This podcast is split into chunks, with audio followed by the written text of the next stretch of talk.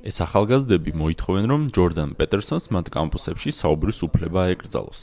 პეტერსონი ტორონტოს უნივერსიტეტის ფსიქოლოგიის პროფესორია.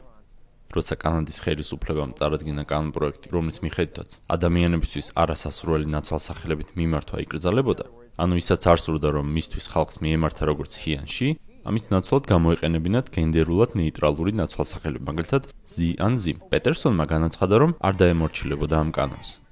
მის ამ პოზიციას არამხოლოდ სტუდენტები აპროტესტებენ. ასობით მისმა კოლეგამ მოაწერა ხელი პეტიციას მისი გათავისუფლების თაობაზე. მათი თქმით, პეტერსონის საქციელი საფრთხის შემცველია. ამასობაში კი, როცა ის ცდილობს საჯაროდ საუბარს, ხშირად დემონსტრანტების ალყაში ექცევა, რომლებიც ხმაურის მეშვეობით ცდილობენ მისი ხმის ჩახშობას. ამ სკოლაში კი ის და მოსწავლეები, რომლებიც მის მოსასმენად იყვნენ შეკრებილები, სკოლის ეზოში გავიდნენ ხმაურისგან თავის ასარიდებლად, თუმცა დემონსტრანტები მათ გარეთაც გაყვნენ და კვლავ შეუშალეს ხელი ლექციის მსვლელობას. რატომ არ შეიძლება ვინმეს უწოდოთ ზი ან ზირ, თუ მათ ეს სურთ? საერთოდ არ მაინტერესებს ვის რა უნდა რომ უწოდონ. ამაზე პრობლემა არ მაქვს. თუმცა ეს არ ნიშნავს, რომ კანონით უნდა ვიყო ვალდებული, რომ სწორედ ისე მიმართო მათ, როგორც უნდათ. სახელმწიფოს არავითარი უფლება არ აქვს განმისაზღვროს თქვენი პირადი საუბრის შინაარს. და მაინც პირადად რომ მეთქვა თქვენთვის ზი ან ზენ ნაცვალსახელით მოგემართათ ჩემთვის. ამაზე შესაძლოა ჩვენ ორს გვემსჯელა, ისე როგორც იმ შემთხვევაში თქვენ რომ გეთხოვოთ რაიმე მეტსახელით მომემართა. მაგრამ არსებობს დიდი განსხვავება პირადად შეთანხმებულ მიმართვის ფორმებსა და კანონმდებლობით მოთხოვნილ იძულებით მიმართვას შორის. დემონსტრანტები პეტერსონს მრავალი სახელით მოიხსენიებენ.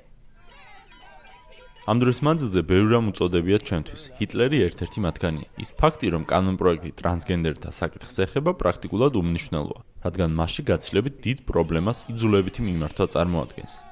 პეტერსონი დემონსტრანტებს მარტივად იგერიებს. თქვენ საკმაოდ მშვიდად გამოიყურებთ, როცა ისინი გიყვირიან. ჯობია ამ დროს მშვიდად იყო. ჯობს ვაცადოთ უგუნურ პოზიციას საუბარი. ამგვარად ისინი ცხადად წარმოაჩენენ საკუთარ უვიცობას და ამას ყველა დაინახავს.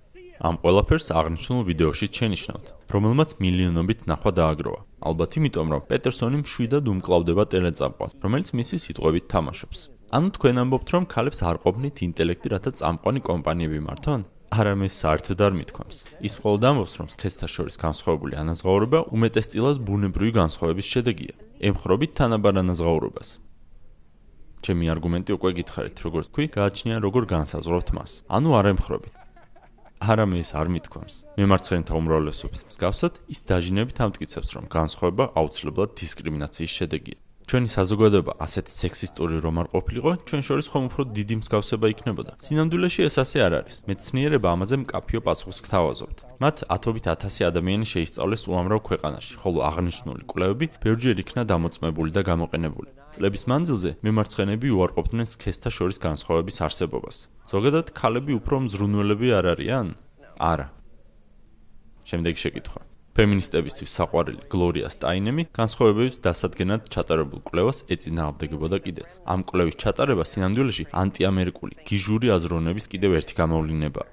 ამის მიუხედავად, კვლევები მაინც ჩატარდა. მათმა უმრავლესობამ ნათლად აჩვენა, რომ ქალები და კაცები საშუალოდ განსხვავებულ საქმიანობებში გამოირჩევიან. ეს მონაცემები კვლევების ჩატარების თავდაპირველ მოტივებს ეწინააღმდეგებოდა, რადგან ამგვარი შედეგები არავის სურდა. სწორედ ამიტომ იყო ეს ყველასთვის შოკის მომგვრელი. და მაინც, როდესაც ამას თქვენ ამბობთ, ეს ხალხის განრისხებას იწვევს. უნდა განარისხოს კიდეც, რადგან მე სწორედ რადიკალური მემარცხენე დოქტრინის ფუნდამენტს ვებრუძე. ამ დოქტრინის საძირკველია დებულება, რომ ყველა ჯგუფს უნდა კონდეს თანაბარი შედეგები.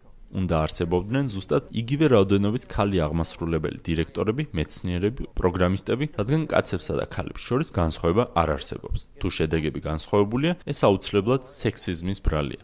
უფრო ზუსტად კი, როგორც მსახიობი ეშლი ჯადი ამბობს, პრობლემა პატრიარქატშია. დიახ, პატრიარქატი. უნივერსიტეტის პროფესორები სწორედ ამას ასწავლიან. ამერიკის შეერთებული შტატები პატრიარქალური საზოგადოება. პირველ რიგში ძალიან სუსტი არგუმენტი, რომ ყველაფერში ტირანი მამაკაცები დომინირებენ. 2000 წლიდან 2012 წლამდე აბსოლუტური სიღარიბის მაჩვენებელი 50%-ით შემცირდა. პატრიარქალური ტირანისთვის ზედმეტად კარგი შედეგია, რა? სოფლიოს ისტორიაში ეს პერიოდი ყველაზე სწრაფი ეკონომიკური განვითარებით ხასიათდება. კამპუსებში კი კვლავაც გაიძახიან, რომ დამნაშავე უთანასწორობა და ჩაგვრაა. სოციალური სამართლის პროგრამაზე სულ უფრო მეტი სტუდენტი აბარებს. საფუძველშივე კორუმპირებულია ესეთ დისციპლინები, როგორებიცაა ქალთა და ეთნიკურ ჯგუფთა კვლევები.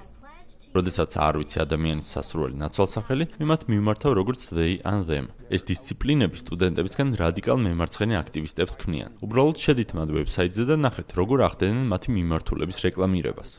სოციალური სამართალი განსხვავდება ჩვეულებრივი სამართლისგან. ის გულისხმობს სამართალს ადამიანთა ჯგუფებისთვის და მოითხოვს, რომ კაცებს, ქალებს, შავკანიანებს და თეთრკანიანებს უნდა ქონდეთ ერთნაირი შემოსავალი, ერთნაირი სამსახურებრივი მიდრეკილებები და ასე შემდეგ. პეტერსონი ამტკიცებს, რომ აღნიშნული იდეა მარქსისტი პროფესორებისგან მოდის.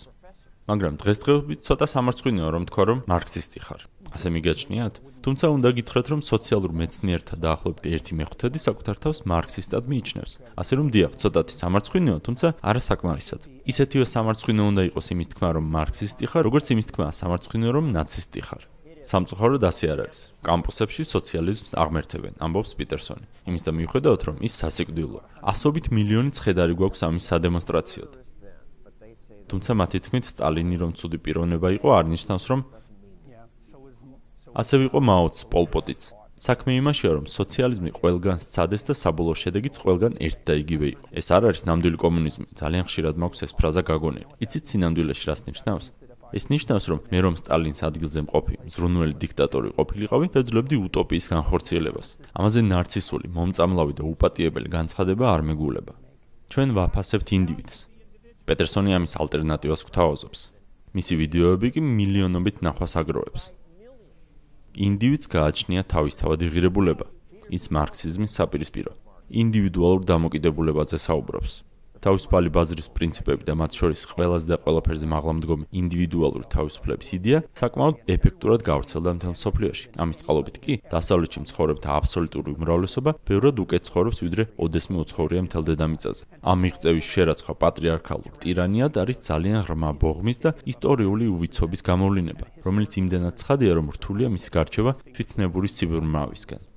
პეტერსონის მტკიცებით, საუკეთესო მეთოდი ამ სიბრმავის წინააღმდეგ საბრძოლველად არის სიმართლის ლაპარაკი, მაშინაც კი თუ ის არაა პოპულარული. ის საკუთარ რჩევებს მიყვება და აჟღერებს არაპოპულარულ სიმართლეს, რაც როგორც ჩანს, ვერს მოწონს, რადგან თითქმის მილიონმა ადამიანმა მისი ციგნი შეიძინა.